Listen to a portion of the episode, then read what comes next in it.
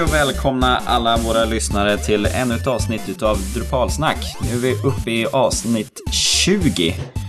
Eh, vi kommer att prata om eh, community ikväll. Och eh, vad händer då runt om i Sverige och i världen ur våra perspektiv? Hur upplever vi det och vad har vi det hela? Eh, med mig idag så har jag både Fredrik och Adam. Hallå Fredrik! Hejsan på dig! Och hallå Adam! Hallå, hallå! Ja, eh, vi kommer också införa någonting nytt i kvällens avsnitt. Vi kommer att spela in lite extra material på slutet. Eh, vi siktar på att ha eh, fulla innehållet på 60 minuter. Sen avslutar vi jingel. Och sedan efter det så kör vi lite eftersnack med saker som har bubblat upp som vi inte fått in i kvällens avsnitt. Men det är ju det är sådana som vill lyssna mer. Har du fullt upp i vardagen så hoppa över slutet. Eh, det är ändå inget viktigt vi kommer att prata om på slutet. Så det är lite nya saker, men nu ska vi prata community. Eh, Drupal är ju känt för att ha ett stort och ett engagerat community. Och eh, vi är väl alla medlemmar i det communityt. Eh, vi har ju båda konton, eller alla tre ska jag säga, konton på eh, drupal.org. Och eh, det görs ju lite camps lite eh, varstans. Du Adam har varit på några stycken camps här nu senaste helgerna va? Visst stämmer det? Mm, det stämmer. Jag åkte ju ner både till eh, Köpenhamn i början på november och eh, veckan därpå, eller helgen därpå, så får jag över till grannlandet Norge och eh, hälsa på eh, Drupal Camp Oslo. Så det har varit eh, två små camps här. Jag hade ju tyvärr inte möjligheten att åka ner till eh, Prag. Så då tänkte jag att då åker jag till Oslo istället. Och sen så dök ju Drupal Camp i Köpenhamn upp. Och då, eftersom mina svärföräldrar bor i Lund så var det väldigt nära och bra. Så då kunde jag sova hos mina svärföräldrar och sen bara ta tåget över till Köpenhamn. Det var två trevliga camps. Vi kan återkomma till det sen. Du gjorde lite intervjuer där också va? Med folk som var där. Ja, eh, jag var lite Eh, ja, vad man nu ska säga, oförberedd när jag kom till Köpenhamn. Eh, så att där blev det tyvärr inga eh, intervjuer. Men du gjorde ju å andra sidan en intervju med eh, Mårten, DOK, när du var nere i, på Drypalkon i Prag. Så jag tänkte att han, han säger nog ungefär samma sak här.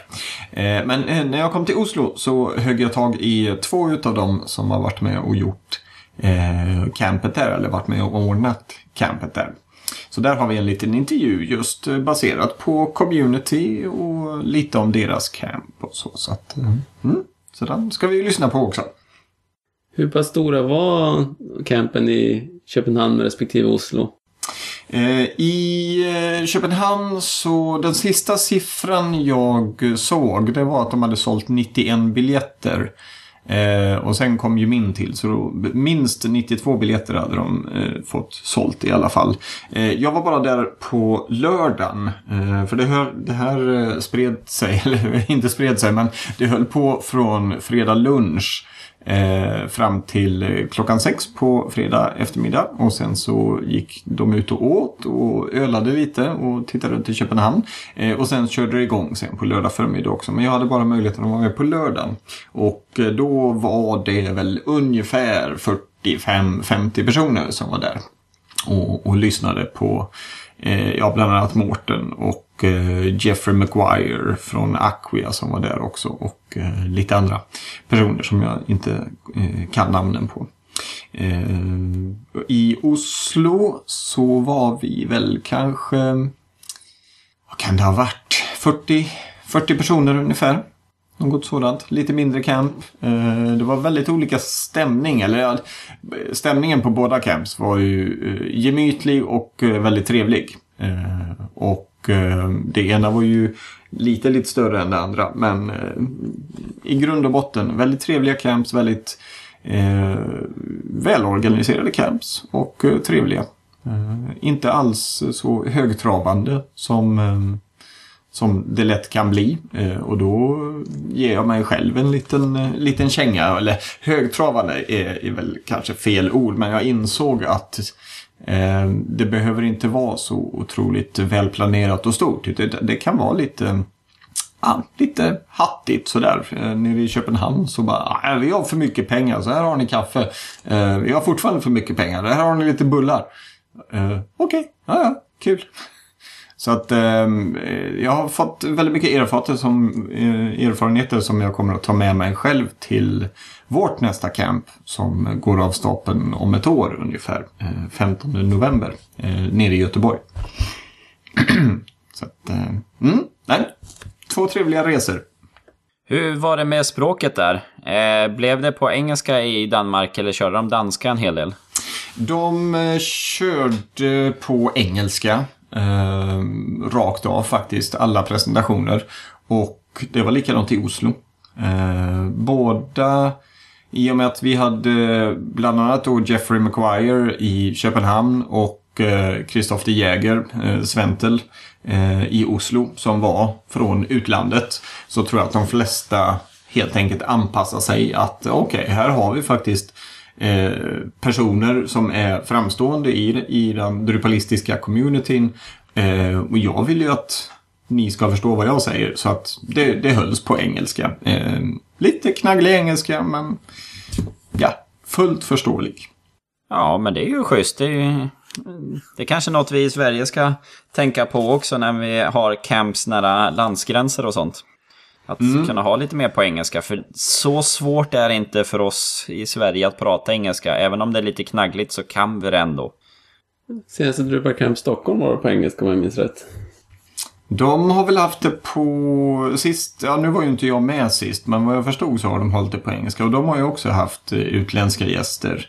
Ehm, och jag tror året innan dess, 2011, så hölls nog en hel del på engelska men eh, kanske hälften hälften var på svenska. Bland annat paneldiskussionerna eh, som hölls på svenska.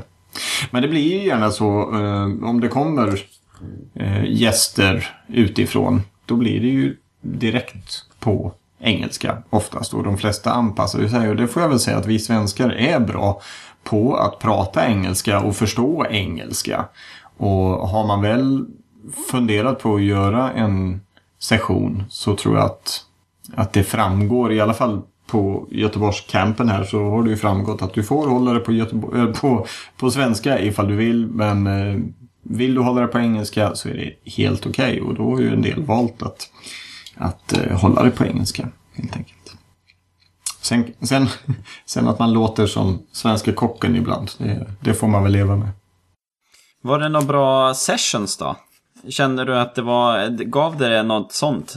Mm, absolut. Um, Mårten DK är ju eh, alltid Mårten DK. Uh, ehm, det, ja, ja, session eller slash show Får man nästan säga. För jäklar, det är väl repeterat och han är en van talare och eh, hans slides.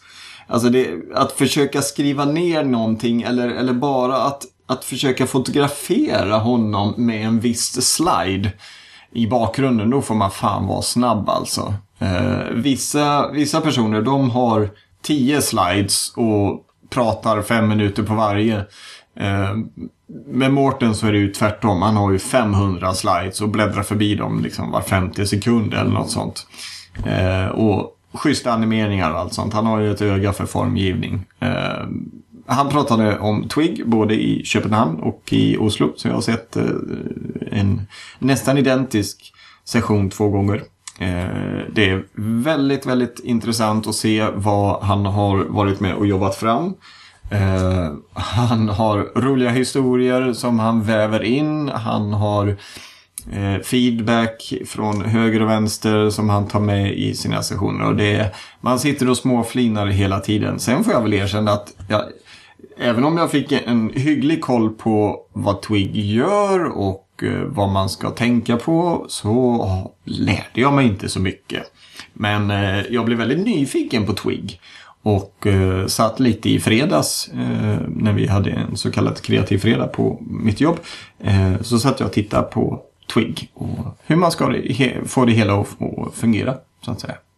Ehm, tyvärr, jag tror inte de spelade in någon av dem. Även om jag faktiskt såg en kamera i Oslo. Men eh, det här är nog en eh, session som Mårten kommer att hålla eh, flera gånger.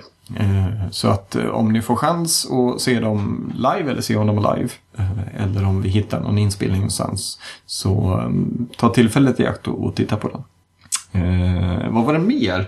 Eh, Kristoff de Jäger i Oslo, Sventel då, eh, som har varit med och jobbat fram det här CMI. Configuration Management Initiative om jag minns rätt. Eh, den var också väldigt intressant. Hur man eh, helt enkelt får ner eh, konfigurationen i sin Drupal-installation eh, i filer. Kan exportera och sen trycka upp på livesajten bara genom att eh, klippa och klistra eller tanka upp de här filerna.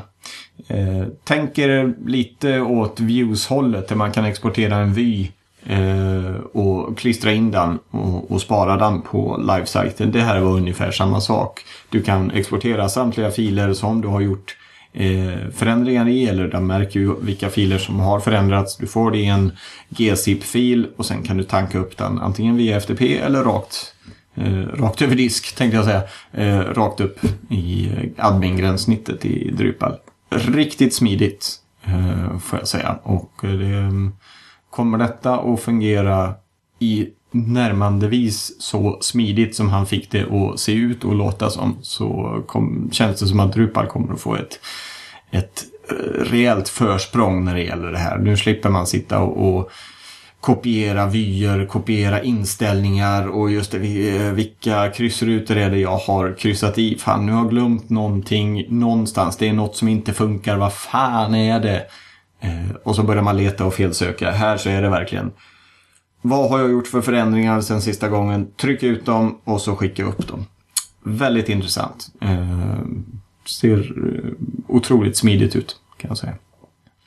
Eh, vad var det mer? Jo, det var eh, dels så höll eh, två personer ifrån Bergen universitet en genomgång med hur de håller på och går över fullt till Drupal och jag tror de sa att de hade 500 webbplatser som de skulle dra över till Drupal. Om jag minns rätt. Det var, det var ett otroligt högt tal för att vara ett, ett universitet tänkte jag. Jag funderade lite och jämförde med Lunds universitet som jag läste vid för några år sedan. Eh, jag tror inte ens att de har 500 sajter. Eh, men eh, de eh, berättade hur, hur de hade tänkt och hur de skulle gå tillväga och allt detta. Och eh, vägt mycket fram och tillbaka kommit fram till att Drupal var kraftfullt nog och att det här kommer att, att ta tre år. Men eh, sen så ska samtliga sajter vara överförda på Drupal. Otroligt intressant. Det visar också styrkan med eh, Drupal. Eh, får väl dock erkänna att jag, jag, jag nickade inte till men jag försvann bort i mina egna tankar där. För jag hade tagit nattbussen upp så jag började dåsa till lite under den här sessionen. Mm, det är mm. väldigt intressant. Man skulle ha bort lite närmare. Så man skulle kunna ja. åka på lite mer camps där. Ja, precis. precis. det finns ju lite, lite camps som är på gång. Dock kanske inte så högt upp så att eh, de finns i närheten av er. Men eh, eh, Drupal Camp Stockholm går ju av stapeln i mars. Eh, och eh, sen vet jag inte om det finns några fler fler camps. Jag ska hoppa in på en utav mina favoritsajter när det kommer till att hålla koll på events. Eh, drupikal.com Det är en kartsajt som läser in eh, alla events ifrån eh, drupal.org eh, eller groups.drupal.org och visar upp det på en snygg karta byggd med leaflet. Men det finns faktiskt inget inget camp i eh, Norden. Än så länge i alla fall. Inte ens Stockholm finns med där. Men eh, det finns ju någonting uppe i Umeå som går av stapeln. Vad blir det? Nästa vecka? Nej, näst, nästa vän. Ja, jag måste kolla här. Nej, det är nästa vecka. 3, 3 december. Ja, det blir det. Ja. ja. För man, Då ska vi köra lite grann där uppe. Ja, för det behöver ju inte, alltså communityn är ju inte bara camps och Drupalcons utan det är ju alla de här små träffarna också. Ja. Jo, det är ju sådär, jag har ju försökt dra i det hela och man märker det Det är ju väldigt kul att komma tillbaka och träffa personer och se, ja, men hur, hur går det olika arbetes i Drupal och hur framstrider det, skrider det hela. Så att eh, Eh, jag tycker det är väldigt givande att ha återkommande träffar. Eh, tyvärr så har vi ju lite svårigheter här uppe i Norrland med avstånden. Det är det är lite svårt för folk att ta sig tre timmar för ett kvällsmöte på fyra timmar. Så att eh, där, är, där är ju vår stora utmaning vi har här uppe. Hur man ska kunna göra det på bra sätt och kunna ha lite ändå återkommande träffar utan att det blir en sån stor börda. Och när du väl tar dig dit, när du har åkt eh, en eller två timmar, att eh, du får ut så du känner att det var väl värt den resan. Men eh, de jag pratar med hittills tycker det är väldigt eh, intressant. Eh, mm. Hur ofta har ni träffar uppe hos er? Finns det någon regelbundenhet? Ja, vi försöker köra eh, två gånger per termin. Eh, det har blivit lite, sådär i våras så var vi hyfsat duktiga och sen så Eh, under sommaren så blev det ingenting och sen tog det ett tag innan vi kom igång på hösten. Mm. Eh, hur, långt, eh, hur långt är det mellan er så att säga? Eh, mil, milmässigt? Det är ja, mellan... Drygt 25 mil. 25 mil. Mm. Det, är, det är rätt rejält. Det är ju inget man bara sätter sig i bilen och skumpar omkring. Eh, Apropå avstånd så, eh, så pratade jag, eh, jag fick en chans till en intervju med Hans och eh, Tor, två utav de personer som var med och fixade Drupal Camp i Oslo. Och eh, jag fick lära mig där att det är inte Oslo som är något större Drupalfäste i vårt kära grannland. Eh, utan eh, där som det finns ett större Drupal-engagemang är bland annat i Tromsö. Eh, och där har de även haft ett Drupal Camp förra sommaren 2012. Jag tror de kallar det Drupal Camp Midnight Sun. Något sådant. Och just det här tog mig lite på sängen, eller jag var inte riktigt beredd på det. För jag trodde att det var Oslo-gemenskapen som låg bakom eh, campet där. Men eh, det visade ju sig att de kom från lite olika håll och kanter. Både från Bergen och eh, Fredriksdal och, eh, och Tromsö. Och de har gått ihop och så fixat detta på avstånd. Och eh, några bodde i Oslo visserligen som fick ta lite mer hands-on ju närmare campet det blev. Men eh, det, de har verkligen trots avstånden, precis som ni uppe i, i Norrland, trots avstånden så har de lyckats få till ett, ett camp eh, som, som blir väldigt, väldigt trevligt. Vad säger ni? Ska vi ta och lyssna på intervjun som jag gjorde i Oslo kanske? Ja, det vore väldigt intressant. Så att, eh, varsågod Adam. Mm, tack, då lämnar jag över till mig själv. Så, då står jag här på Drupal Camp i Oslo. Eh, det har varit en härlig dag med många fina sessioner och eh, med mig så har jag två stycken personer som har varit med och roddat det här campet. Eh, jag tänkte jag skulle be er presentera er och lite vad ni gör. Ja, ehm, jag heter Hans Norhaug. Jag jobbar på Högskolan i Molde. Och min intresse i Drupal startade när jag började bruka de kurser som jag håller. Och jag har varit styreleder ett år och i år så organiserade jag campet. Mm, trevligt. Och du? Yes. Eh, jag heter Tor André Gretland. Jag jobbar i ett eh, firma som heter Frontcom. Där vi levererar eh, Drupal-lösningar. Och i tillägg så har jag varit projektledare för övergången från Drupal 6 till Drupal 7 för Drupal Norge nettsida. Där vi brukar Commons-distributionen. Mm. Mm. Trevligt. Hur länge har ni pysslat med Drupal ungefär? Oh, sex, sju år. Sex, sju år? Mm. Ja, sen um, tre, fyra år kanske för mig. Ja. Mm. Ni är gamla i gamet så att ja. säga. Mm. Dagen är över. Vi har precis eh, avslutat ett eh, styrelsemöte med eh, den norska Drupal-grenen. Är ni nöjda med dagen? Ja, ja. det syns jag. Vi har haft någon internationella stjärnor som har hållit föredrag. Goda lokaler, grei mat och nästan nog folk. Mm. Ja. ja. Och de internationella stjärnorna, det var ju Sventel, Christoph de Jäger Mm. och eh, Mårten DK. Ja. Mm. Och så var ju jag här. Ja. Det ska vi inte glömma. Nej, nej. Nej, helt sant. Eh, var det någon annan som eh, kom utifrån? Ja, Som jag har han, missat. eh, han Ruben. Ruben, ja, Ja. precis. Han har gjort föredrag om eh, front-end automated testing. Precis. precis. Eller så var det väl mest interne folk, tror jag. Mm. Men, men tre fra utlandet, eller fra, utenfra Norge er kjekt. Ja. Gjør det litt større. Absolut. Litt andre vinklinger og ja. Mm. Det blev också att eh, merparten, i alla fall de sessionerna jag var på, hölls på engelska. Ja. Eh, ser ni det som en nackdel eller en fördel? Nei, det er ingen ulempe. Eh, Så lenge vi drar folk som er villige til å kun presentere på engelsk, altså de utlendingene, så er det en liten pris å betale. Absolut. Og diskusjonen var jo like levende. sånn som I forhold til i fjor så var det ikke noe forskjell om vi dro det på norsk eller engelsk. Men Tänker- många, många väljer att göra det på engelska kanske just för att det finns Ja. utlänningar här. Jo da. Mm. Og så er det jo litt sånn eh, generelt når man jobber med internasjonale open source-prosjekter, at man er vant til å jobbe med engelske ting uansett. Og i forhold til å publisere ting i etterkant, sånn, så er det jo artig å holde det, Mm. gjøre det tilgjengelig. Da. Helt klart. Precis. Eh, har ni flera camps här i Norge? Eller är det ett, ett om året? De har prøvd å kjøre en i Tromsø. Mm. Eh, De hadde det i fjor, men i år så ble det avlyst. Og dere har kjørt noen meetups i Mm. Fredrikstad. Ja, stemmer. Flere faktisk i år. Ja, eh, husker ikke nå Det er ja, to eller tre, i hvert fall. Mm. Mm. Mm.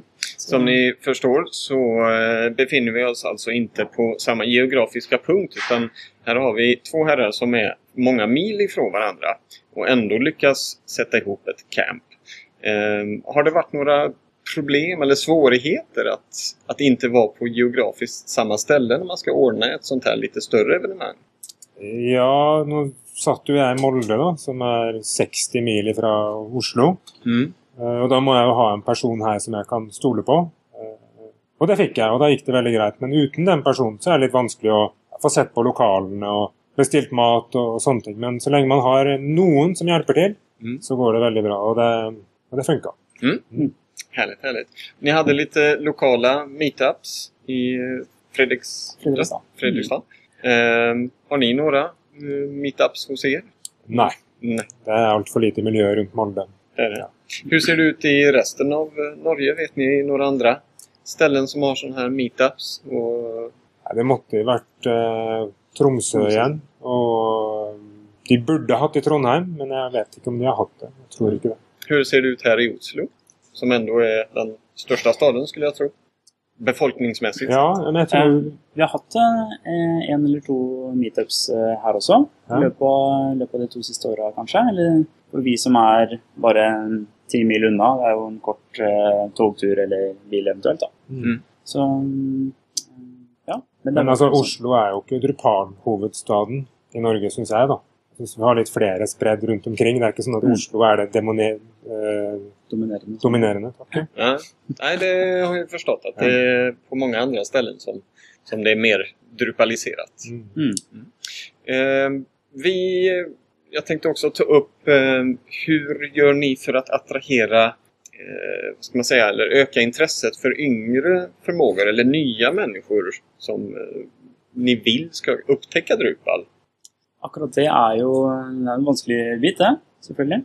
Eh, Men eh, det har kanskje du mest erfaring med. Som har, du underviser jo litt for en del studenter. Ja, altså jeg og Gisle Hannemyr, som jobber ved Universitetet i Oslo, vi kjører jo Drupal-kurs, eller bruker Drupal i kursene våre, og rekrutterer vel kanskje noen brukere på den måten. Men utenom det så gjør vi vel en altfor dårlig jobb, som alle andre. Men, vi, ja, vi, men tidligere også, før campen i Furu bl.a., så har vi kontakta eh, andre høyskoler også. og Sendt ut eh, Jo, jo, jo. og prøvd å få det inn på høyskoler og universiteter. Mm. Jeg tror kanskje det er den smarteste veien sånn for, for å rekruttere Drupal-utviklere Ja. framover. Få det inn i IT-studier Ja. og interesse. Jo da. og Jeg har, altså jeg har vel 40-50 studenter årlig som jeg underviser i Drupal og, og media. web og media. Og fem av de fortsetter jo da typisk. Mm. Og noen, to eller tre av de igjen starter kanskje sitt eget firma, men de driver da gjerne lokalt. Og, og blir liksom ikke med i miljøet. De, de holder på for seg sjøl Mm. og lager løsninger og får 20 000 per ikke sant? istedenfor Ja. å ta det videre och bli lite mer proffs. Men jeg tror nok at det, er, at det som vi har en del igjen på, det er det å se verdien av eh, å holde hverandre oppdatert i miljøet. Ja, ja, helt eh, klart. I planleggingsfaser og sånne type ting. At vi er flinke til å sette av tid til å, eh, å, å dele det vi har gjort av forberedelser. Og inkludere hverandre i forberedelser og sånne type ting. Mm. Eh, For ofte så er det sånn at eh, noen eh, ildsjeler, noen som står på rundt, eh, gjør masse forskjellige ting og type arbeid. Og så bare plutselig så ser man oi, det er gjort, eller et eller sånt. Og så, eh, så vil kanskje noen føle seg litt uh, utafor. Skulle kanskje ønske at man var involvert Ja, i det, kanskje. Eh, men også den der greia at man ikke Det virker ikke som noe skjer fordi det ikke skjer noe på, i community-siten. for Mm. Men det er et vanskelig spørsmål. altså Det her å rekruttere nye folk, det er tungt. Mm. Jo, det har vi märkt också i, i grannlandet här. Mm. Ja, eh, 2014 står för dörren. Nästa år har vi ett eh, Drupal Camp i Stockholm och vi har ett Drupal Camp i Göteborg. Kan ni tänka er att komma över gränsen? Absolutt. Ja, absolutt. Ja, Ja. Ni är hjärtligt välkomna, Ja. eh, vågar jag säga i alla fall, och Drupal Camp Göteborgs vägnar. eh, och jag tror att ni är hjärtligt välkomna till, Stock till Stockholm också. Ja, det. Er det satt ennå, eller? Eh, Drupal Camp Stockholm är i mitten på mars. Ja. Riktig. Och eh, sen så kommer Drupal Camp Göteborg på hösten. Mm. Ja. Så bra. Ja, Ja, det er interessant.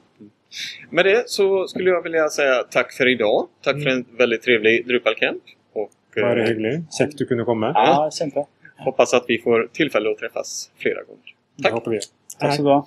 Ja, tackar Adam för den eh, intervjun. Väldigt intressant att höra hur eh, folk i vår närområde eh, fungerar eller har det som. Eh, och det är ju väldigt kul med camps. Eh, vi har ju alla varit på lite olika.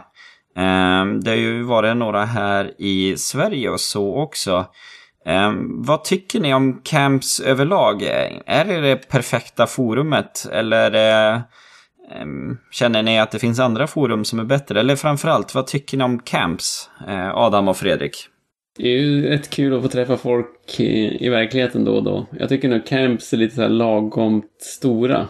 Eh, de tar inte så lång tid och ofta behöver man inte resa så långt i alla fall. Jag, eh, jag skulle också tycka det var väldigt roligt om man hade någon lokal grupp som man kunde träffas lite mer regelbundet. Vi försökte här i Östersund, men det är någon säkerhet par år sedan minst vi hade någon träff nu. För det är bara någon handfull här som, och knappt det, som sysslar med drupar på någon större omfattning. För det är ju kul att kunna sitta och tjabba tillsammans och fika och gå ut och äta och vi är ju sociala varelser. Ja, precis. Ehm, jag håller med om, om det du säger Fredrik. Ehm, camps, ofta, alltså det, det, det fyller ju sin funktion där med att ofta så bjuder de in kanske någon ja, framstående eller någon slags drupad personlighet. Eh, det behöver ju inte göra det heller naturligtvis. Men just det här att få det föreläsningar om olika saker. Se hur nya moduler växer fram, hur man eh, löser vissa problem eh, med vissa kunder, med vissa sajter. Just att se hur andra jobbar eh, kommer ju fram väldigt bra på camps. Plus då det här sociala, att man faktiskt träffar folk som man kanske har chattat med eller vet att ja, men det är ju du som heter så på drupal.org eller på Twitter eller både och, och så vidare. Dock så när man går ner på lokala träffar där man kanske sitter 5, 10, 15 personer. Det blir ju, eh, tycker jag, bättre på ett annat sätt. För då kan du verkligen, eh, när, det, när du sitter i en stor föreläsningssal på en camp så kanske du inte vill ställa dig upp och säga Du, hur gör man det här? Och så vänder sig 25 personer om och tittar liksom, vad är du för en tjomme? Men sitter man runt ett bord och snackar drupar med 5-10 andra personer, eller på en pub för den delen, eh, Eh, så kan du, du, du, det blir lite lättare att få ut de här kanske dumma frågorna, eller de här frågorna som du antagligen tror är dumma, fast inte är det. Eh, här i Göteborg har vi ju lite sådana, vi har ju två olika sorters träffar. Dels har vi ju de här Get Together som, eh, där företag eh, står som värdar och håller en eller ett par diskussioner eller föreläsningar om vad de har gjort. Och sen har vi de här varannan måndagsträffarna som vi kallar GB Geek Meets. Där vi sitter då 5-10 personer och diskuterar Drupal. Eh, ser, jag har det här problemet, hur skulle du lösa det? Eller jag behöver hjälp med det här och liknande. Eh, och de, de fyller lite olika funktioner precis som campsen tycker jag. Vad tycker du själv Kristoffer? Jag tycker, eh, jag tycker campsen är väldigt trevliga. Eh, och just att man får ägna sig en, en hel dag och få suga åt sig väldigt mycket information. Eh, de är ju lite mer familjära, det är lite enklare att ta kontakt med folk än en DrupalCon som jag var på här i höstas. Ehm, eh, men de här små grupperna känner jag, det är då man verkligen man, om man ger utrymme för varandra. Man kan fråga som sagt frågor och man kan eh, hjälpa folk också. Jag tycker det är väldigt kul att hjälpa folk och sätta mig in i vad är, vad är deras problem just nu. Senaste gången vi hade eh, gruppmöte här, eller lokal, jo men gruppmöte så eh, var det ju det att ja, men det var en kille som är lite grann ny till eh, Drupal eller hur jobbar man i stora flöden och framförallt det här med maintenance-behovet. Så att vi hade ju tänkt eh, prata en hel del om lite andra saker men det, slutar ju med att vi eh, Kvällens diskussion var ju om site maintenance. Hur håller man reda på innehåll och hur jobbar man med en utvecklingsmiljö utav sin Drupal-sajt och hur kan man lösa det smidigt i de förutsättningarna man har. Och det var ju, det var ju precis det som efterfrågades och då känner man att ja, det är kul att prata om det när det är folk som är intresserade. Och det är ju lite svårt att ändra sånt i en, eh, i en camp. Att säga, ja men eh, kvällens eh, ämnen det ändrar vi för att det har ett annat behov. Utan då kör man ju på det som är planerat. Eh, men jag skulle nog säga en... Eh, de här Birds of Feathers som brukar vara. Det är ju lite grann en, en, en lokal gruppsmöte. Fast man, i Bird of Feather så samlas man kring ett ämne medan eh, de lokala grupperna är mer att man samlas för att man är på samma plats. Men eh, nej, jag tycker det är väldigt, väldigt kul. Och det är ju en sak som jag eh, känner att det är skoj att engagera sig i Drupal. Just för att man, man ser en, eh, en långsiktighet. Att eh, vi som jobbar med det här utgår inte från att allting är perfekt just nu. Men vi har en vision om att allt ska bli perfekt. Och vi vill gärna jobba tillsammans för det hela. Det var bra sagt. Mm. Eh, och det är så här, för min del så har jag ju eh, kört en hel del med, med svenska forumet och lite IRC. Där har jag tyckt det varit lite svårt att få kontakt, eller vad känner ni? Eh, den digitala eh, närvaron tycker jag är lite dålig för Drupal då, för den svenska scenen. Ja, det är väl på Groups Drupal.org Sweden som det hänger lite folk. Men på mm. IRC och sånt är det väl väldigt skralt. Ja, det, nu har jag inte varit inne där sedan i våras faktiskt. Men, eh, men jag håller med. Det, och det var väl lite därför jag slutade hänga där också. Det, det var så lite folk. Det var inget, inget snack helt enkelt. Men gruppen är ju hyfsat... Eh, där hänger lite folk, det märker man ju. Ja, det kom ju in eh, frågor, inte, inte jättemycket men eh, det dyker upp lite frågor och inlägg och de flesta får ju, får ju svar eh, på hygglig, hygglig fart, eller man ska säga, hyggligt snabbt. Ehm, jag är ju en utav, ehm, vad ska man säga, maintainers för, i den här gruppen tillsammans med Magnus, Pontus och Örjan. Och ehm, vi försöker väl hålla efter det så gott det går. Det är, det är väldigt städat forum så att det är sällan man behöver porta något eller ta bort någonting från det hela. Men det är, som du säger, vi svenskar är ju ändå hyfsade på engelska så det var ju det blir lätt att man eh, söker sig de eh, forumen på drupa.org och sånt och ställer frågor för att då vet man att man har så större chans att få, få svar och så. Jag tror vi lätt ja. söker oss direkt dit. Ja, både och skulle jag vilja säga. Det, är det en generell fråga så lägger jag nog hellre upp den i den svenska gruppen. Men är det en, en modulspecifik eh, fråga som jag misstänker kanske har någon bugg i sig eller något sådant. Inte för att det sker jätteofta men jag la faktiskt in en i, i fredags eh, för scheduler-modulen när jag inte lyckades eh, få den att lira som jag ville. Men då, då, hade, då la jag den i, i issue-kön just för, för scheduler-modulen istället. Så att det går ut till eh, de stora engelska grupperna, det, där håller jag inte riktigt med. Å andra sidan så tycker jag att de flesta frågor som, som jag stöter på finns redan svar där ute. Så att eh, på det sättet så visst, då använder jag ju de engelska grupperna när man letar svaren. Eh, där jag själv spenderar mest tid är absolut issue-köerna. Inte helt nöjd med hur de gjorde om dem när de Drupal org gick från Drupal 6 till Drupal 7. Ja, nej, det har varit lite klageri på det hela. Det funkar ju, men jag tyckte ändå att det var en del smidiga saker försvann. Mm. Det blir väl ofta så. Jag vet inte om, om du tittade på hur det, hur det skulle bli eh, innan det slog igenom. Mm, jag följde inte hela. Jag hörde lite grann. Du, eh, hörde du prata om det bland annat. Mm. Ja, det lyftes ju fram eh, tidigare i, i våras. Man fick se lite hur det, hur det skulle se ut. Men jag har spenderat för lite tid i issue för att verkligen kunna säga bu eller bä i det hela.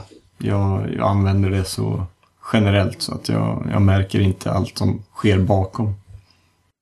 Nej, sen kan jag ju känna just det med eh, frågor och svar som finns på forumet så blir det ju lätt att om jag har ett problem så vill ju jag lösa det inom en dag. Och eh, skickar det på ett forum då vet jag inte riktigt när jag kommer att få svar. Eh, så att därför så drar jag mig lite grann från att ställa frågor på, eh, på just eh, groups för Sverige. Um, där en Stack Overflow-fråga skulle jag väl ha mer nära till hands. Uh, för där är det ju ändå mer folk som läser och då blir det det. Då går man ju mot det engelska communityt som är större och kan vara snabbare på att svara. Men oftast så googlar jag ju. Googla, googla, googla, testa massor med saker. Till slut har man ju löst det hela. Mm. Skriver förhoppningsvis en bra bloggpost själv om man orkar och ids förklarar om det inte finns någon riktigt bra lösning sammanfattad innan. Precis.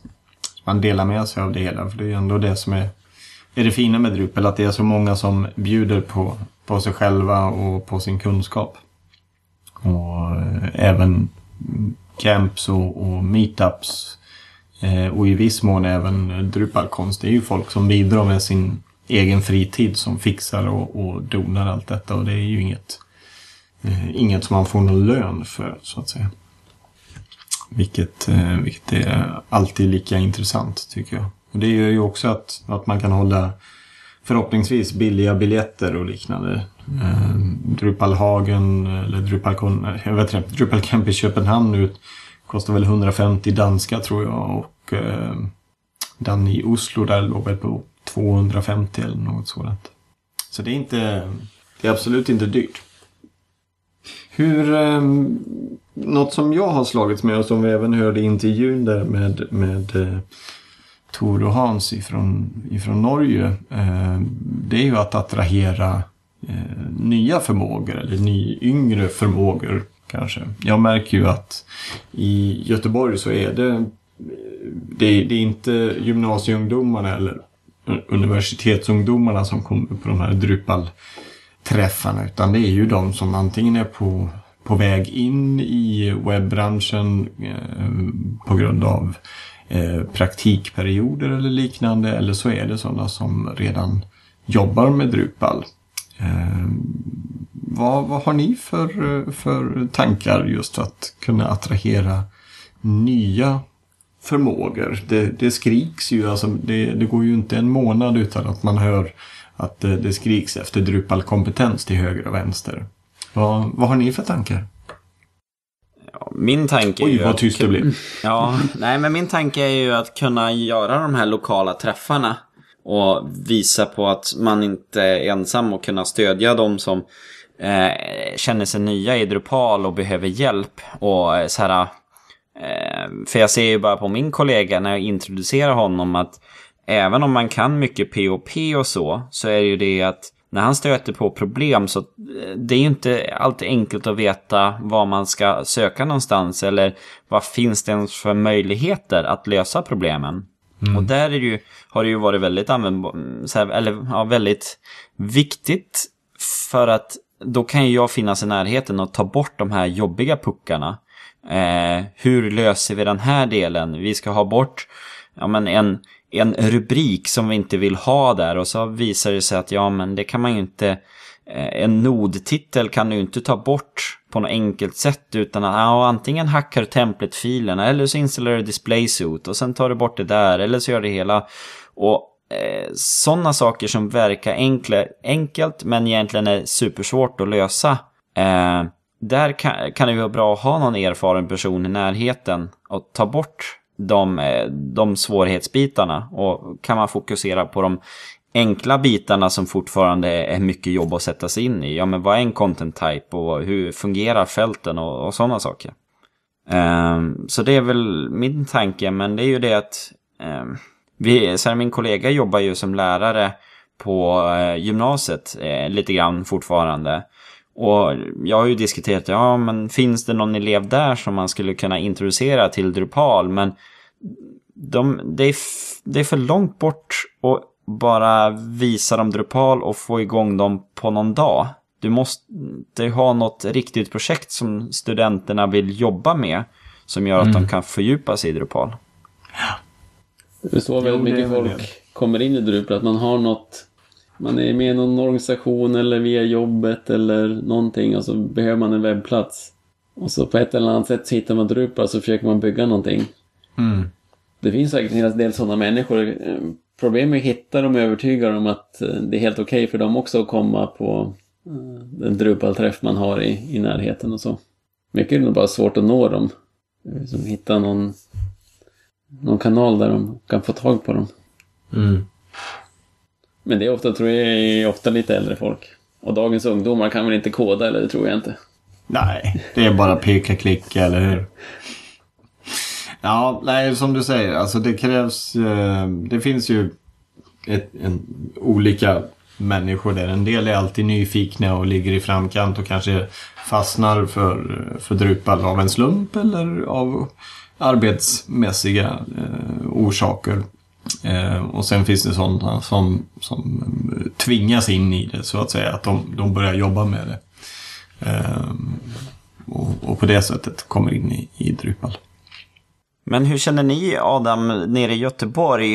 Eh, Chalmers, där går ju ändå många studenter som skulle kunna ha tid och engagemang och sätta sig in i Drupal och skulle kunna få mycket ut av det hela. Jag tänker alla de här sektionshemsidor och föreningshemsidor. Mm. Är det några som ni känner att sådana skulle ni vilja ta kontakt med eller inrikta er mer mot? Eh, alltså de Chalmerister som jag har träffat genom åren och, och, och, har lärt känna, de är ju rejäla festprisar och suputer. Så att nej, de vill vi ju inte beblanda oss med. Nej, jag skojar. Ehm, just den här diskussionen med att attrahera yngre personer och få in dem på ja, såväl företag som att hjälpa till med camps och föreningen här nere. Det, den har ju tagit fart nu under hösten. Och eh, Chalmers, absolut. Eh, jag sitter och bollar lite hur vi ska Eh, gå tillväga för att nå ut ifall vi på något sätt ska, ska göra som de här företagen uppe i Stockholm. Eh, om det var i våras eller om det var förra hösten som gick ihop. Trots att de är konkurrenter så gick de ihop och sa att hej, vi pysslar med Drupal. Eh, vi är olika företag men här har ni vad Drupal är, varför det är bra och varför ni ska använda det. Och så stod de på eh, webbdagarna eller internetdagarna och mässor och pratade om detta. Eh, och det hade varit gött ifall vi kunde hjälpas åt här nere och det tror jag säkert är, eh, är fullt möjligt eh, eftersom all, ja, de flesta Drupal-företagen här nere med få undantag verkligen vurmar för Drupal och vill hjälpa till och mycket väl kan, kan säkert tänka sig att, att vara med och på något sätt eh, ja, lägga lite arbetstid på att åka till Chalmers och berätta om, om, eh, om Drupal. Så en gästföreläsning, eller en lunchföreläsning där ni bjuder studenterna på mat, då tror jag ni har fyllt upp eh, salen. Det är väldigt bra tips. Eh, nu ska vi bara få tiden att räcka till. Men eh, jo, nej absolut. Det, det är något som man skulle kunna ta upp här nere. Och inte bara här nere, eh, lite här och var naturligtvis.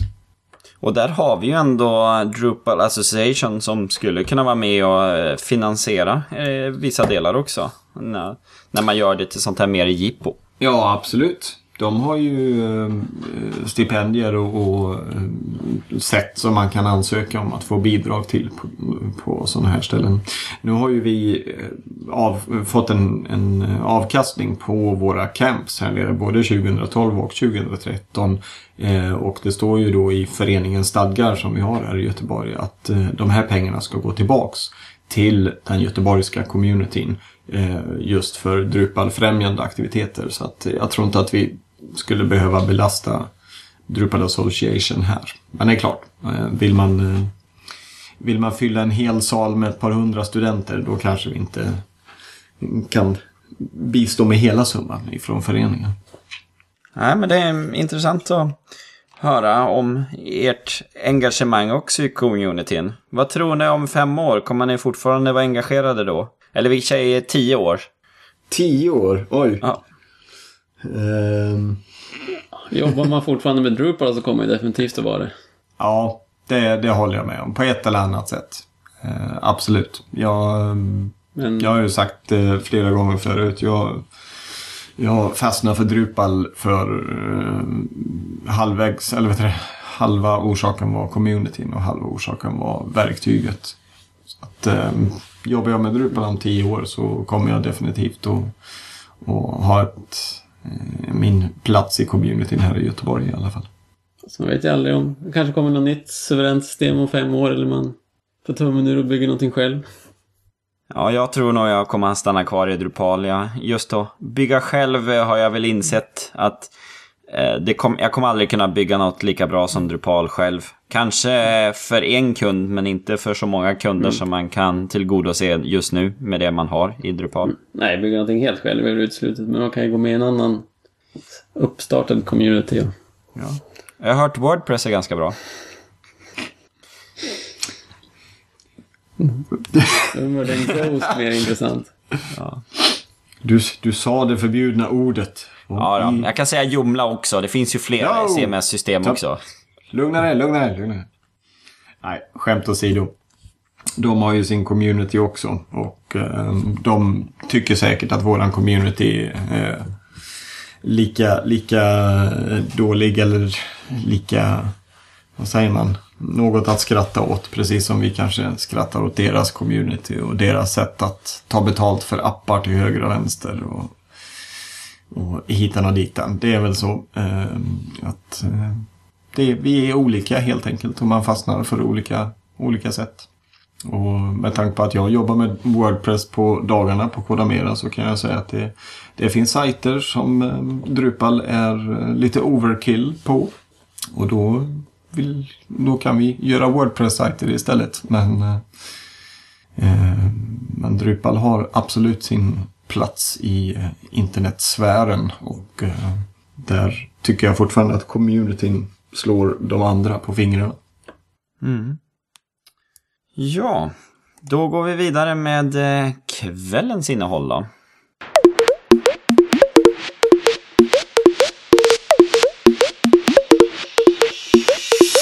Drupal snack. Då var det dags för lite nyheter i kvällens program. Eh, vi ska se vad vi kan samla ihop här som är intressant. Den största och viktigaste nyheten som ni alla bör vara medveten om eh, är att Drupal har kommit eh, med nya versioner för 7 och 6 Och det är säkerhetsuppdateringar.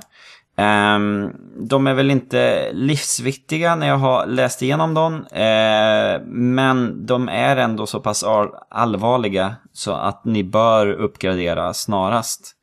Och uh, för Drupal 7 så kom 7.24 som fixade ett antal olika saker, lite grann i form API och lite cross-site-delar och hur man uh, kan eh, knäcka eh, formulär och lite sådana saker. Eh, men den stora saken som kommer att innebära lite arbete det är att HT-access-filen har, eh, behöver ändras under Files och Private-katalogerna.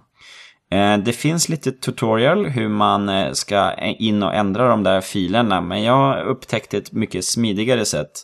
Du uppdaterar Drupal, du går in och eh, tar bort alla HT-access-filer under eh, Sites eh, Default Files eller Sites eh, din, din andra, dina andra multisiters eh, kataloger.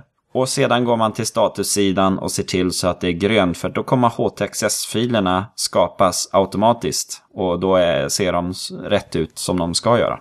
Ja, man måste väl gå in under filsystem och spara om. Och då skapas de, var det inte så? Nej, du Det- behöver bara gå kan till status. statussidan. Se där, se där. Ja, då läste jag fel ute på nätet. Ja. Nej, så att jag gjorde det faktiskt här i slutet på förra veckan. Så eh, då satt jag och gick igenom mina sajter. Så att det går ganska smidigt och det är inga... Jag har inte stött på några andra större problem. Eh, utan det är den som man behöver fixa ordning. Eh, för att se till så att man har sin statussida okej. Men det är bara att gå in på status report så ser man vad som händer. Så det har ju genererat lite jobb för dig Adam kan jag tänka mig. Eh, jo, absolut. Vi sitter och säkerhetsuppdaterar här dagarna i ända. Alla våra kunders eh, webbplatser här. Och eh, ert lilla... Att, att inte behöva spara om filsystemssidan sparar ju åtskilliga sekunder. Hur, eh, hur är det med sexan? Jag har inte läst på så mycket om den. Eh, har du stött på någonting där Adam? För har, ni har väl lite sex sidor? Sex sidor, ja. Du- Drupal 6-sajter. Ja. Eh, ja, det har vi. Eh, absolut. Eh, jag får faktiskt erkänna att jag inte har haft... Eh, vi har inte kommit dit än. Eller jag har inte uppdaterat några, några sexsajter. Utan jag har bara jobbat med Drupal 7 eh, än så länge. Men eh, jag har inte hört någon, någon knorra om det. Så att det, det går säkert eh, lika bra som, eh, som sjuan har gjort. Mm. Sen, eh, så här, åttan tuffar ju ändå på. Det kommer ut en ny bloggpost om vad som händer i Core. Eh, det sker lite grann med översättningsgränssnittet. Eh, det stora nu som jag läste är att Drupal 8 kommer kräva POP 5.4. Man kliver upp från eh, 5.3.10 och kör nu. Det är 5.4 som gäller. Eh, så det kommer ju innebära lite problem eftersom eh, senaste LTSen i Ubuntu har inte 5.4. Anledningen varför man kliver upp är just att när eh, just nu så är 5.3 har en end of life ungefär 8 månader bort. Och ska Drupal 8 sen släppas på 5.3 och eh, några månader senare så eh, upphör supporten för 5.3 och sen eh, börjar det komma upp eh, säkerhetsbuggar i POP och så. Då blir det problem. Så att man, eh, man ser fördelar i 5.4 och eh, man ser en långsiktighet i det hela. Eh, även om vissa får installera in nya servrar och sånt. Så Drupal 8 ska ju ändå finnas för flera år framåt. Eh, man gör ju också lite, eh, eh, lite releaser nu. Eh, Alfa-releaser utav 8 som kommer. Så den kan man ehm, ehm, hålla koll på och se vad som händer där.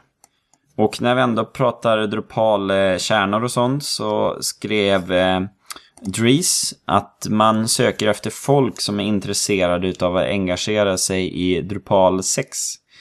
Eh, alltså version 6. Eh, av eh, olika, eh, vi ska se här, det var maintainers, folk som kan hålla koll på säkerhetsbuggar eller lite sådana saker. Och sen lite intressanta blogginlägg. Eh, Vi pratade ju tidigare där om vår eh, ärkefiende Wordpress.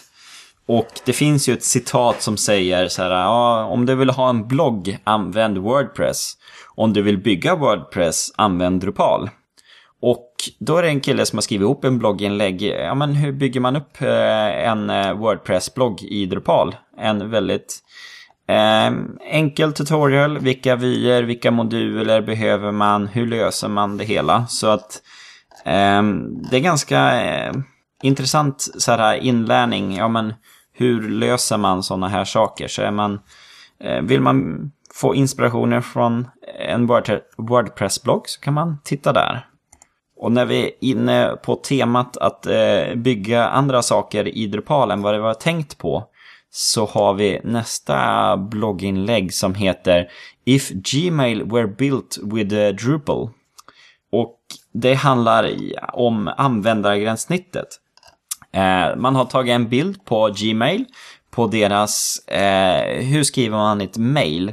Man har ju tofält, from och en titel och det är väldigt användarvänligt med eh, Hoover-delar och knapptryckningar och så. Och sen så, ja men hur skulle man bygga upp det i Drupal? Och då är det en, en standardnod eh, eh där man har send to och subject som requirement fält längst där uppe. Sen har du en body med filtered HTML och attachment det är fältdelar som man laddar upp och labels det är en multiselect eh, eller egentligen bara en vanlig select och det gör det ganska tydligt hur mycket Drupal saknar i användarvänlighet och hur mycket Gmail har jobbat med det hela. Så det är en väldigt intressant bloggartikel som pratar om det hela. Och sen eh, ett, en följetong som kommer med när man utvecklar i Drupal är hur ska man jobba med det hela som? Och det är, eh, jag har hittat två blogginlägg här nu som är ganska intressant. Den ena heter Git Workflow 2 Features Bungalow. Och den diskuterar lite grann om hur, eh, hur jobbar man med features? Hur, hur ska man dela upp en feature? Ska man ha allt i ett? Ska man ha flera stycken? Och eh, vad är Eh, sådär, ja men vilken fördelning ska man ha där och hur fungerar det med eh, staging och gittandet med det hela. Och nästa blogginlägg handlar om liknande men det är eh, What is a site development module? Där det handlar om att man har som en eh, man utgår ifrån att allting ska finnas i kod. Eh, och de eh, ställer sig ganska negativt till det här förfarandet att man hela tiden klonar produktionsdatabasen och sen utvecklar man lite grann och sen så trycker man tillbaka det till produktionsdatabasen och de andra utvecklarna gör ungefär samma sak och det Ehm, det är som svårt att hålla reda på test och eh, stagingmiljön på något bra sätt. Så att de ger lite tips och råd om hur man jobbar med, eh, med ett sånt arbetsflöde när man får allting i kod. Och hur ser man till med uppdateringar och eh, gör att det... Ja, det, det var en intressant läsning om det hela. Om man är intresserad av sådana problem så rekommenderar jag den artikeln. Den ger lite tips på nya lösningar. Sen angående inlärning så dök det upp här en kille som är ny till Drupal men har jobbat med eh, business analyst i 15 år. Och han har kommit in i ett företag som jobbar i Drupal och han behövde sätta sig in i Drupal. Och eh, då har han skrivit en bloggartikel om 10 Drupal-videor som han tyckte att det här har förklarat väldigt mycket för mig eh, i Drupal. Och eh, har gjort att jag har lärt mig mycket mer. Så att den eh, är intressant och eh, videorna är ju utav eh, varierad eh, längd. Eh, men det är ju en bra bloggartikel att dels gå igenom själv och se till så att man förstår och har man någon som är ny till Drupal så kan man eh, tipsa om det här blogginlägget. Så det var väl det vi hade utav nyheter. Eh, av vanliga nyheter. Sen har vi ju nu lite nya Drupal-sajter. Det har dykt upp fyra stycken har jag här.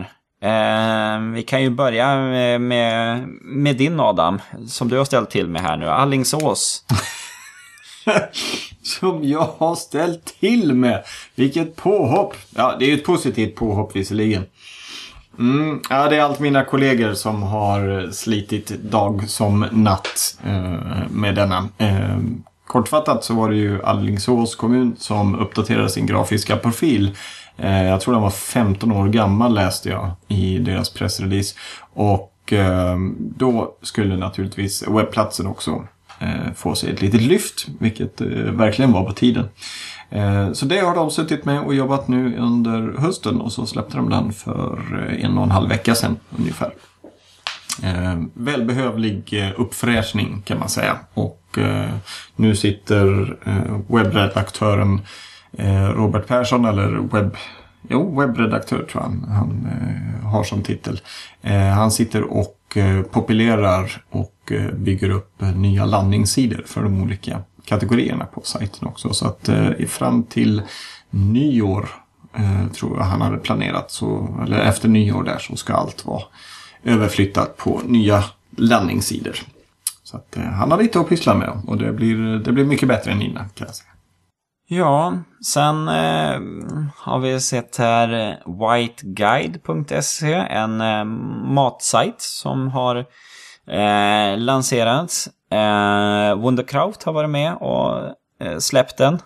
Eh, och sen har de också länkat vidare i det blogginlägget med eh, Wunderkraut har listat de hun, eller 160 svenska företag och organisationer som använder Drupal. Det är ju inte bara deras egna kunder utan det är alla. Jag undrar om jag nämnde det här förra gången. Det låter lite bekant men eh, jag har läst om det på nätet också så att... Eh, ja, White Guide är trevligt så att det kan vi, ja, det kan vi berätta om. Ja. Sen har vi SLU. Har eh, väljer Drupal. Och det är Wunderkraut som har eh, tagit det jobbet. Eh, det är ju lite kul eftersom de har en hel del Epi-server tidigare. Men eh, nu verkar de gå över till Drupal. Så det, det är ju trevliga flyttar när, man, när Drupal kan ta lite sådana case. Och sist så har vi hemhyra.se. Eh, Bricko och Wonderbow, Bow, Wonderboys ska jag säga, har varit med och tagit fram den eh, lösningen. Så det är, det är lite nya företag. Ja, de senare där har jag inte hört talas, till, äh, hört talas om. Veng, Venga Boys känner jag igen, men det var ju på 90-talet. Men Wonderboys har jag inte hört talas om. Ja. Nej, så det var lite nya Drupal-sajter. Sen har vi lite modultips. Um, vi har lite olika bloggartiklar. Det är ju det att uh, det dyker upp lite olika sammanställningar. Uh, en här gick igenom uh, Four modules that help you integrate your Drupal site with Twitter. Ehm, som just går igenom de fyra stora Twitter-modulerna Eh, och hur de fungerar. Eh, pros and cons för var och en utav dem. Så att eh, ska du integrera mot Twitter, ta en koll på det här blogginlägget. Eh, sen har vi en ganska lång bloggartikel som handlar om eh, Drupal 7 Performance Optimization. Och här är en genomgång om vad man eh, ska göra och massor med moduler som kan hjälpa till i det hela allt ifrån cashning till eh, eh, ja, i princip jättemycket cashning, Men man kan göra det på olika lager. Man kan göra det views cashning och rules och varnish cashning och hur håller du cashen varm och vilka andra hostingmiljöer kan hjälpa till i det hela. Så att det var, det var lite tips på lite sådana moduler och tjänster kring det hela. Eh, och för er som tycker om eh, teman och inte är så mycket kodare så har vi en bloggpost som heter 8 beautiful Drupal designs. Lite inspiration om eh, Drupal-sajter som har lösts på olika grafiska sätt. Och sen har vi en blogginlägg som heter Your Intranet on Drupal. Hur bygger man ett intranät i Drupal och vad, vilka moduler kan hjälpa till i det hela? Det är en ganska övergripande bloggpost eh, och nämner en hel del olika moduler som kan hjälpa till eh, i det arbetet. Allt ifrån eh, flags och LDAP-integration och olika distributioner som hjälper till. Så att ja, det var en, en trevlig artikel med eh, genomgång av intranets möjligheter. Så det var det av mina nyheter. Har, eh, har jag glömt något här nu tycker ni? Nej, jag tror att vi har täckt upp ett eh, trevligt avsnitt av Drypasnack för den här gången. Ja. Då eh, tackar vi för ikväll. Eh, tack eh, Adam. Ja, tack själv. Och eh, tackar Fredrik. Tack så mycket. Och till er lyssnare så hörs vi igen senare eller om en liten stund.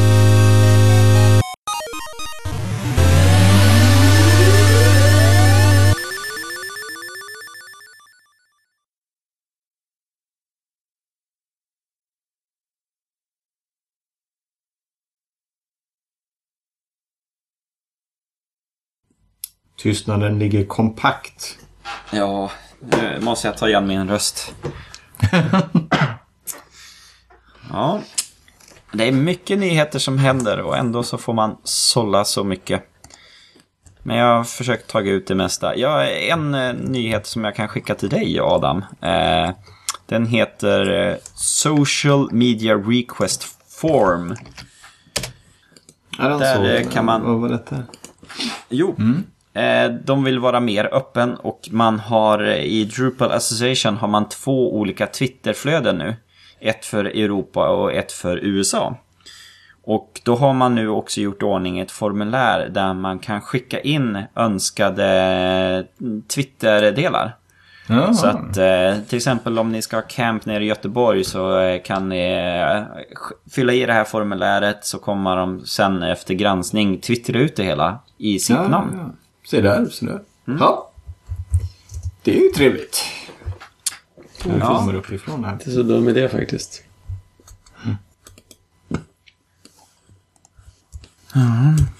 Mm. Annars då? Har ni gjort något mycket eh, Drupal-arbete i senaste veckan? Jag glömde ju ta upp det i början av avsnittet. Här kodas det för fullt. Jag jobbar som var nu nästan ja, uteslutande med amerikanska kunder. Eh, Det Ja. var de som går med på att man kan jobba på distans. Alla andra vill att man ska absolut sitta på kontoret. Så Ja. Jag bygger en... eh, Jag bygger ett um, intranät-system kan man säga. Ett för, som jag pratade om förut med när man ska kunna, eh, man ska kunna göra handha recensioner på, på förslag som skickas in. Så det är massa folk som ska skriva recensioner på dem och då ska det betygsättas och ska det gå igenom en lång process för att det ska eh, de projekt som blir godkända ska få en hel del pengar för att utveckla sakerna och sådär. Eh, riktigt intressanta problem som ska lösas med ganska hög säkerhet. Och nu håller vi på att bygga in eh, PGP-integration så man ska kunna Vissa fält ska man innehålla, man kunna skriva text där och ska den krypteras med hjälp av en browser-plugin. Så krypteringen sker på klienten. Och sen, så att ingenting, man litar inte på servern för att det är lite känslig information. Riktigt roliga saker. Ja, ja framförallt också överföringen. Att hålla koll på det. Men nu är det väl SSL på allt sånt också så att... Ja, och så eftersom man då, om man kör PGP-krypteringen på klienten, då är det ju bara en blob som man skickar på servern. Och när man vill läsa den texten, då bara hämtar man den blobben som är jättehårt krypterad. Och så får avkrypteras den först på klienten på andra sidan. Så då behöver man bara ha koll på att nycklarna är, är rätt nycklar och det sköter ju PGP att man kan kolla. Så det borde vara ungefär så säkert som det kan bli om man implementerar det rätt. Ja, jag hade ett trevligt eh, helgprojekt, eller egentligen började det på fredagen. Vi, eh, hade möte med vårt moderbolag och vi höll på att prata om säljstöd. Och eh, det så här kände vi, ja men det här borde man ju kunna göra en Drupal-sajt så att säljarna kan vara ute och eh, få reda på erbjudanden eller så här utbud och sådana saker. Och eh, det kan man ju göra en Drupal-sajt. Eh, och eh, då eh, eh, så här, tänkte vi lite grann till och vi funderade och sedan så under eh, helgen då, så, eller egentligen på fredagen började vi, så byggde vi ordning det hela. Så att idag så hade vi en presentation för eh, inblandade. Blir det implementerat som ni kör på det tror ni? Jo, vi, eh, tanken är nog att vi ska kunna köra igång på det hela. Det, de är väldigt så här på också och blev inspirerade utav det hela. Tappade vi Adam, det missade jag. Ja, Men nu är han tillbaka tror jag. Mm, nu är jag med här igen. Jag har aldrig varit med om så mycket Skype-problem som den här gången när det bara avslutas. Dags, dags att installera om eh, datorn här kanske. vad, vad hörde du utav oss? När försvann du? Eh, ja, eh, vad hörde jag? Jo, eh, PGP hörde jag. Det tror jag var det sista jag hörde. Sen så blev det tyst i lurarna. Det var Fredrik som berättade. Du får höra Kristoffers intressanta projekt på när du lyssnar sen. Ja, du får lyssna på eftersnacket. Ja, jag får lyssna. Precis. Jag skulle vilja tipsa om, eh, inte något Drupal-relaterat, men podcast-relaterat. Börja använda ett program som heter Downcast. Men kör man eh, OS X och iOS, så det är väl för mig och eh, Adam, Mm. så ska man... Apple har ju någon, man kan använda iTunes och så Apple någon, eh, på iPhone finns det någon programvara också som, jag vet inte, det måste vara eh, Apple verkar komplett ointresserad av att det ska fungera något bra. Eh, Men det finns ett antal eh, klienter som verkar rätt eh, populära. Men den jag fastnade för var Downcast. Fungerar klockrent, eh, måste jag säga. Man sitter och, jag kan, eh, man behöver inte ens ladda hem dem. Så har man bra uppkopplingar och sånt kan man bara streama alla podcast. Man bara lägger in dem och prenumererar på dem som vanligt. Och så talar man om när det finns nya avsnitt och sånt. Och även när man streamar så håller den rätt på exakt vart man, hur mycket man har spelat upp avsnittet och sådär. Och eh, så på sekunder, jag kan lämna datorn, rycka telefonen, stoppa in hörlurarna, trycka på play, så bara fortsätter podcasten på exakt samma sekund. Himla smidigt. Mm. Rekommenderas bra. varmt. Kostar Men- eh, några tior så här som vanligt. Men den fanns inte för, eh, för något annat system.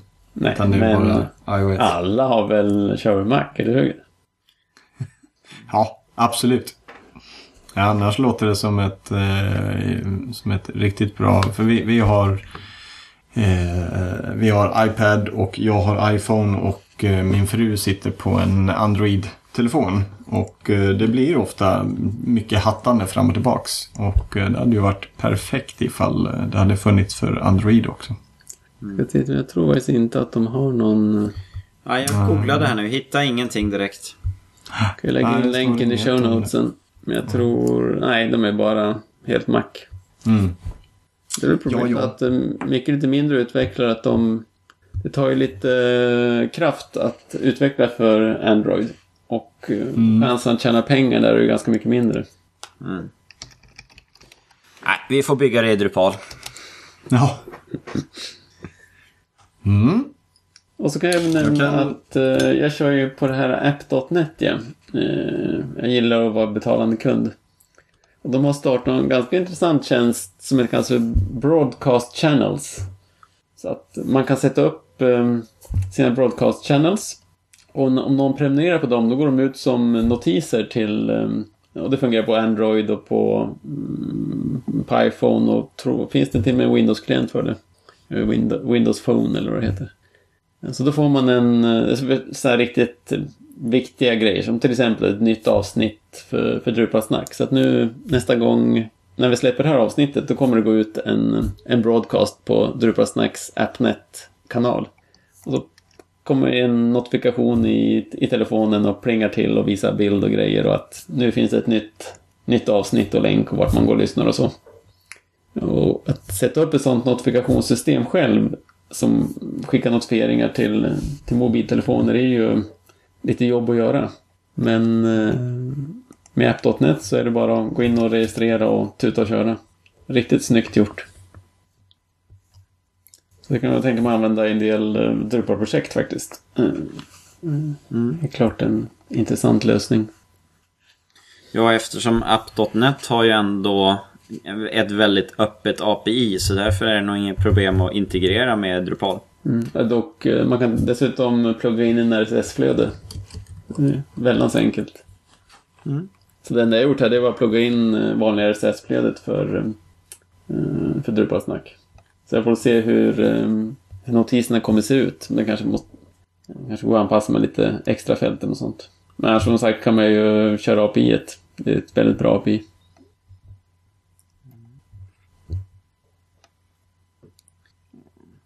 Men jag tänkte på uppdateringen som kom nu med Drupal 7. Det var väldigt länge sedan vi hade en kärnuppdatering nu. Ja, de hoppar över många. Speciellt den som var så pass, um, så pass viktig. Ja, senaste säkerhetsuppdateringen var väl var det i februari tror jag. Så det är över ett halvår sedan. Eller tänker jag fel? Jag får nästan kolla upp det. Jag såg det ju tidigare idag. Men... Om jag minns rätt då så var det inte någon speciellt eh, allvarlig sak.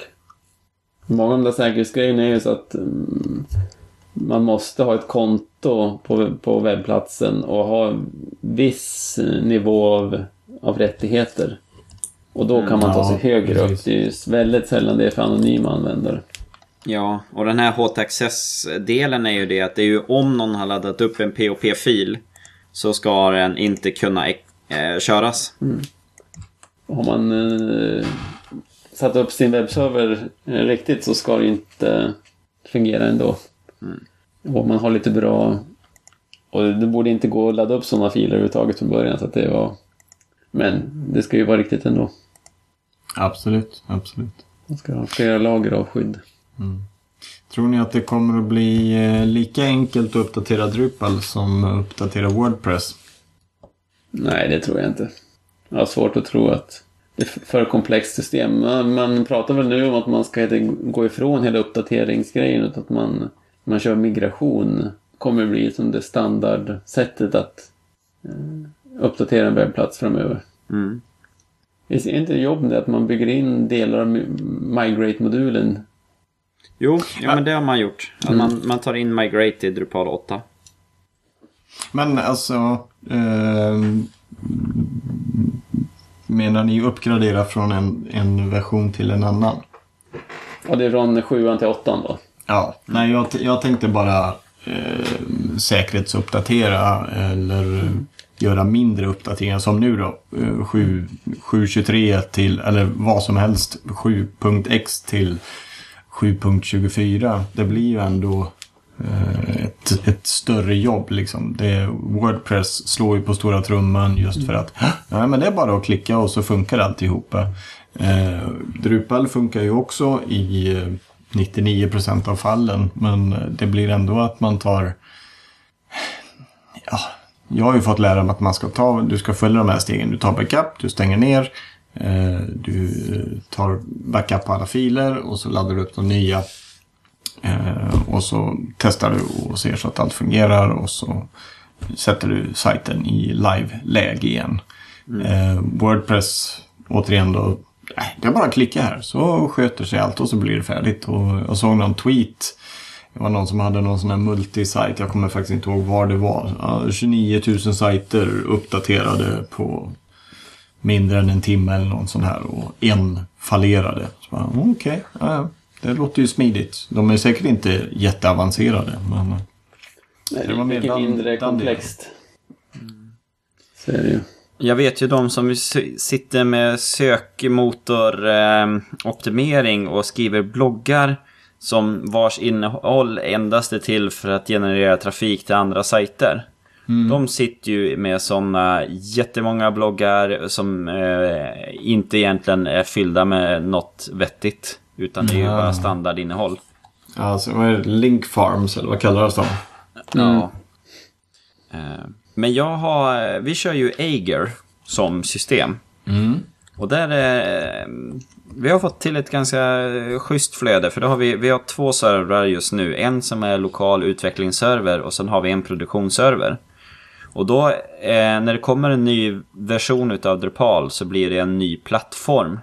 Så det, sajten är ju som en multisajt, så då är det man gör det är att man bara migrerar den från en kärna till en annan kärna. Och havererar det någonstans, då kommer man ju bara backa tillbaka där man var. Och man kan klona också om man eh, vill bara testmigrera. Så att eh, därför när vi uppgraderade här nu så var det bara det att jag la in en ny plattform och flyttade över eh, några sajter, såg att det funkar och sen så bara klicka i att resten skulle flyttas över också. Ja, Enda... Ja, jo men det var väldigt smidigt. Enda nackdelen är att den är... ehm, den är lite eh, ooptimerad just när man kör två servrar. Den har, ibland så blir det lite buggar. Eh, och sen nu när vi skulle migrera eh, live-site som är på produktionsservern. Så är det som så att admin-gränssnittet har vi bara lokalt. Det har vi inte vi på, admin, eller på produktionsservern. Mm. Så att det den gör det är att den kommer, eh, den kommer göra en lokal kopia och sen ladda upp en ny. Så när du har en sajt som är 700 megabyte så laddar han ner det först till kontoret och sen laddar upp det på den nya plattformen. Och sen synka databasen och sedan när det allt har blivit grönt då tar den bort den eh, originalet. Så att eh, då blev det lite mycket trafik så det tar lite tid. Det går inte på en minut utan det tar 8 eh, till 40 minuter för en sajt. Men man behöver inte göra någonting utan det är ju bara att vänta och man kan ju göra igång sådana jobb flera samtidigt också om man vill. Ja, ja precis. Och så... Ja, går ju något annat under tiden. Mm. Vet ni vem Ägir är? Var det kommer ifrån? Namnet? Det fick jag lära mig om, om min dotter lärde mig detta i veckan. De håller på att läsa om detta i skolan. Nordisk gud. Mm, precis, en havsgud, eller rättare sagt en, en, i en liten nordiska mytologin så är det en jätte som härskar över havet. Så att han inte, han, han är ingen gud utan han, han är bara en vanlig, vanlig jätte så att säga. Bara en vanlig jätte. Ja, ja precis, precis. Mm. Ja, det En sån där som grannen. Va, vad sa du? En sån där som grannen. Ja, precis. Ja, nej, där kom min dotter hem och eh, berättade bara. Vänta lite nu, vad sa du? Äger? Oj, det där känner jag igen. Ja, det är, de håller på och lär sig sånt här som man själv kanske läste om i skolan. Nu får man lära sig allt, allt på nytt igen. Mm. Mm. Jag fick lära mig att, eh, nu ska vi se så jag eh, säger rätt. Jo, Sleipner, eh, Odens åttafotade häst. Eh, var, var den kommer ifrån, det är också sådär helt tokigt. Är det någon som sitter på den kunskapen? Nej. Nej.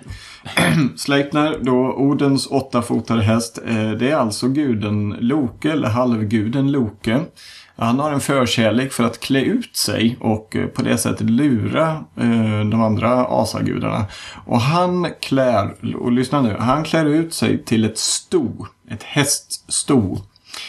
Och betäcks av en jätte. Och, och blir då eh, med föl gravid alltså. Och som straff, eller jag vet inte om det var ett straff, men han måste förbli det här eh, kvinnostoet eller stoet tills han har fött fölet. Sen kan han eh, klä, klä av sig eller, eller bli Loke igen. Och den här, det här fölet som han föder som är då eh, avkomman av Loke och en jätte, det blir Sleipner. Helt, eh, man bara, ja, jo. Låter ju vettigt liksom. Men eh, nej, det, jag, kan, jag kan säga så här att eh, när min dotter kom hem och berättade allt detta så blev jag, var jag tvungen att rota fram mina gamla seriealbum om Valhall. Eh, som var väldigt populära på 80-talet. De har jag letat reda på. Så nu sitter jag och läser om nordiska ad, aga, aga, asagudarna. Jag täckte in mycket konstigt i det här avsnittet. Allt ifrån sexsajter till, till eh, asagudar. Ja, jo. Fast det här kommer ju ändå i eftersnacket så att det kanske vi kan. Ska vi avsluta med någonting riktigt tekniskt då? Ja, just det. Googles PF. flygande bilar. Ja. PFS, Perfect Forward Security. Ska, om man kör SSL ska man se till att implementera det. Jag fick tummen ur och fixade det i, i, idag faktiskt på bland annat en server som kör Drupal-snack. Eh, Det är, ehm, eh, det är de ciphers som man använder som, man, som servern presenterar för klienten eh, när man kör SSL. Och då kan man välja att använda ett decipher som är lite tyngre för servern men som, eh, som gör att man, den koppling man får då är just då Perfect Forward Security. Och det betyder det att om man eh, någon gång eh, skulle komma åt eh, den SSL-nyckel, den privata SSL-nyckel eh, som finns på servern. Den som man ska ha väldigt bra säkrad och sånt och inte... För att har man den då kan man ju läsa av hela trafiken. Men med Perfect Forward Security då kan man Även om man har den eh, nyckeln så kan man inte läsa av all gammal trafik. Eh, som har, eh, man kan inte göra någon men även om man har läst av eh, som typ då vissa institutioner i andra länder gör, läser av massa internettrafik och lagrar den. Så även om man då har lagrat massa trafik och skulle komma över nyckeln så kan man inte eh, koda av den gamla trafiken. För att man använder så här engångsnycklar och sånt. Det är det som gör att det tar lite mer processorkraft. Men det är en bra sak att implementera om man kör SSL. Ja, det är Det borde intressant. banker och sånt göra, men tyvärr så är det väldigt få som gör det. Det är också lite problem med kompatibilitet med så här riktigt gamla, ja, Internet Explorer 6 och såna här grejer. Men det bekymrar mig inte för Drupal-snack. I så fall får de väl sin varning. Eller? Ja, de, eh, vi har ju dessutom inte något krav på att man kör HTTPS på Drupal-snack. Mm. Det är ju egentligen bara, det är bara vi som kör det. Eller kanske bara jag. Ja, jag brukar ta det ibland. Men jag är, jag är lite dålig på det hela. Jag kör, och det finns inget riktigt cert, men man vill man... eh, vi kör ju CA-cert. Så man kan ladda hem deras rotcert och funkar allting på, på mina servrar. Mm, eh, jag tycker det är lite... eh, Säkerheten blir ju i, precis lika bra. eh, Rent krypteringsmässigt, men... eh, eh, jämfört med att köpa ett, ja, riktigt cert inom citattecken. Men sådana riktiga cert kostar en himla massa pengar. Ja. Det känns lite onödigt för lite hobbygrejer. Ja, det ska bli intressant sen också. Jag tänker med säkerhet när mejlen börjar säkras upp mer. Det börjar ju komma där med SSL och eh, vad heter det, D-mark. Mm. Så att eh, det, mejlen verifieras att de skickas från rätt person och sådana saker. Så det, det ska bli bra i framtiden. Men det är ju lite jobb kvar med det hela. Ja, man skulle behöva byta ut eh, SMTP-protokollet. skulle behöva bytas ut helt och hållet. Det ju- ger ju bort alldeles, alldeles för mycket. Så även om man har krypterat så går det ju att se vem meddelandet är på väg till. Och det finns ingen som helst, som jag kan låtsas skicka ett brev som när din adress står på frånraden. Det finns inga som helst problem med det. Mm. Jag har implementerat, ja, ja det, var- det var gjort i, i tiden när alla kände varandra och alla var kompisar. Det finns ingen som helst säkerhet inbyggd i SMTP-protokollet. Så det ska ju behöva bytas ut helt och hållet. Men det är väl en, um, de här, eh, vad heter det, Eh, Silent Circle och så den här, eh, han som la ner hela sitt, eh, sitt företag istället för att lämna ut nycklarna till, eller lämnade ut nycklarna till NSA så la han ner hela, hela, hela företaget. Och stängde sina servrar. Eh, vad heter han? Han som, där Snowden hade sin e-post ett tag. Ja, De håller ju på och eh, ska försöka ta fram några riktlinjer för något nytt protokoll. Ja, i alla fall är, det går ju att skicka meddelande i Facebook och det är ju SSL på det hela. Det är väl hyfsat säkert va? Det är ingen annan som... Det är bara en massa annonsörer som läser det. Jag hörde det senaste nu... Eh, de har gjort eh, undersökningar på hur, folk reagerar på bilder och sånt. Det visar att om man har... Om man tar dina Facebook-kompisar och så tar man en annons för, för någonting, när man sätter en någon vanlig fotmodell. Och sen tar man en precis likadan annons, men i personen där så tar man dina kanske tre, fyra av dina killkompisar och så morfar man ihop dem till en person och så stoppar man in den bilden i annonsen. Så din, du reagerar väldigt mycket mer positivt på den. Du känner inte, du kanske inte tittar på den och känner igen att men det, det här är ju min, eh, mina två polare Adam och Kristoffer som har satt ihop. Men hjärnan inom på någon djup nivå ändå reagerar familjärt på det. Så att eh, i någon, någon framtid där, då är alla annonser, du ser den bara som poppar upp, då är de specialdesignad. Eh, man behöver inga fotmodeller längre, utan man bara gör sådana morphbilder på alla annonser som du ser. Speciellt bara för dig. Ja, fascinerande. Då får man ha två personer. Eh, En med ljus hy och en med mörk hy. Och så får de... Så man får se till så att de får jobba som bara den. Ja. Eh, sen så, eh, jag läste det just med Facebook och så. Det finns ju en säkerhetsbrist. Man kan ju få se vem som helst vänner på ett väldigt eh, sneaky sätt. Du skapar ett nytt konto på Facebook och sen skickar du en vänförfrågan till den personen du vill staka. Eh, även om det spelar ingen roll om den personen kommer att godkänna din vänförfrågan eller inte.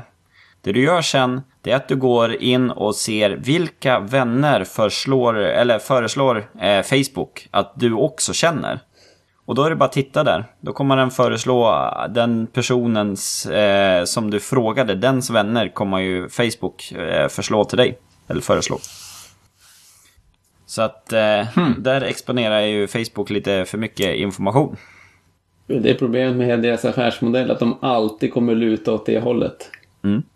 Mm. När man, I sådana här, här edge case kommer de alltid luta att exponera mer information, att uppmuntra dig att eh, exponera och visa upp mer för att det, det är den vägen de kan tjäna pengar. Inte om de kanske har någon ondska eller något sånt, men det är som bara det är sätt de tjänar pengar så de kommer automatiskt alltid att luta åt det hållet. Men titta på deras säkerhetsinställningar. Men då kunde de en UI-expert ägna en, en dag åt att fixa till så att gick att förstå dem där. Men det finns kanske inte en riktig motivation till att någon ska förstå dem. Tror ni Facebook eh, är på väg att dö ut eller kommer han att behålla sin, sin eh, fasta position på marknaden här? Kommer det att komma en Facebook-dödare snart? Jag tror nog det kommer dö ut i den omfattningen. Eh, folk kommer ha konto där men de kommer inte vara aktiva på det sättet tror jag. Fast samtidigt är det de som inte vet bättre kommer nog fortsätta använda det hela och tänker att ja, ja, men det, det spelar ingen roll om eh, Facebook vet vad jag gör. Men det är just det att ja, men du vet ju inte vars informationen säljs vidare sen någonstans. Nej, precis. Ja, för jag har två eh, kollegor i branschen som har verkligen sagt upp sitt Facebook-konto. Inte bara tagit en break eller tagit en paus. Utan nej, men de har tagit bort sina konton. De finns inte där längre. Jag har aldrig skaffat ett. Ja. Så jag börjar fundera. Jag har aldrig skaffat ett. Ja, men jag kan, eh, jag kan öppna ett till dig här. Jag har ju din e-postadress och allt. Så. Klick, klick, klick. Så, nu, nu är det med. Nej, skämt åsido. Men eh, jag, alltså allt... eh, Allt har ju en ände utom korven som har två. Men eh, det brukar ju komma upp någon gång per år eller med jämna mellanrum i alla fall. Att nu, är, nu dör Facebook ut, nu kommer något annat, nu är det kört liksom. Men den har ju fortsatt att bara öka och öka och öka. Även om det då, nu då på grund av de här som har ja, tagit avstånd eller vad man ska säga det. Börjar fundera på om det är så att det kanske är dags att börja gå vidare till något annat. Och jag har börjat märka visserligen bland kunder att Google Plus kommer mer och mer. Mycket på grund av att tydligen att eh, finns man med där så kan sökresultaten påverkas om du har en företagssida och liknande. Vilken förvånande. Ja, ja, precis. Vad var det du sa det där med pengar och... Ja. Och det finns ju statistik om att i USA, eh, Facebook-användningen bland ungdomar går ju ner. Det är ju färre ungdomar som använder Facebook där än vad det varit tidigare. Så att ehm, det är ju en ganska... Ja, de, ja, de går över till Instagram mycket Ja. väl. Och så det här, eh, vad heter det, är det Snapchat, där bilderna är det tänkt i alla fall bara ska kunna tittas på en gång eller något sånt där. Mm. Det ska tydligen vara Ja, stort. just det. Men det tycker jag, sådär, även om det kan missbru eh, missbrukas så är det ändå en ganska bra idé tycker jag. Att, eh, ja men, eh, det är inte alltid eh, man vill att ens bilder ska spridas hur som helst. Men man vill kunna skicka någonting och, och, och säga någonting eller så. Det behöver ju inte vara något konstigt med det, men att... Eh, ja, för att eh, till exempel så är det ju... Vi har ju här nu i vår kommun eh, så har man gått ut med att eh, under Lucia får inga föräldrar fota eh, barnen. Ska man fota får du fota dina egna innan och efter. Men inte under själva lucian så får barnen fotograferas. Och det är för att det finns barn med skyddad identitet. Eh, och andra som inte vill att de här bilderna ska tas för att man vet inte var de hamnar. Mm. Och då eh, tycker jag, ja men man ser ju behovet utav att dela bilder men inte sprida dem om man ska säga så. Att kunna eh, bara visa upp. För det, man vill ju kunna visa bilder men för en begränsad del. Mm. Ja, det är, det är luriga grejer det här med just kunna dela med sig av bilder på ett, på ett bra sätt. Mm. Jag läste idag om någon, jag tror han var fotograf, jag läste, jag skummade igenom artikeln, men en fotograf som hade tagit foton under en jordbävning förra året. Och eh, nyhetsbyrån AP tror jag det var som tog de här bilderna och sålde vidare till en, en eh, bildbyrå. Jag tror det var Getty Images.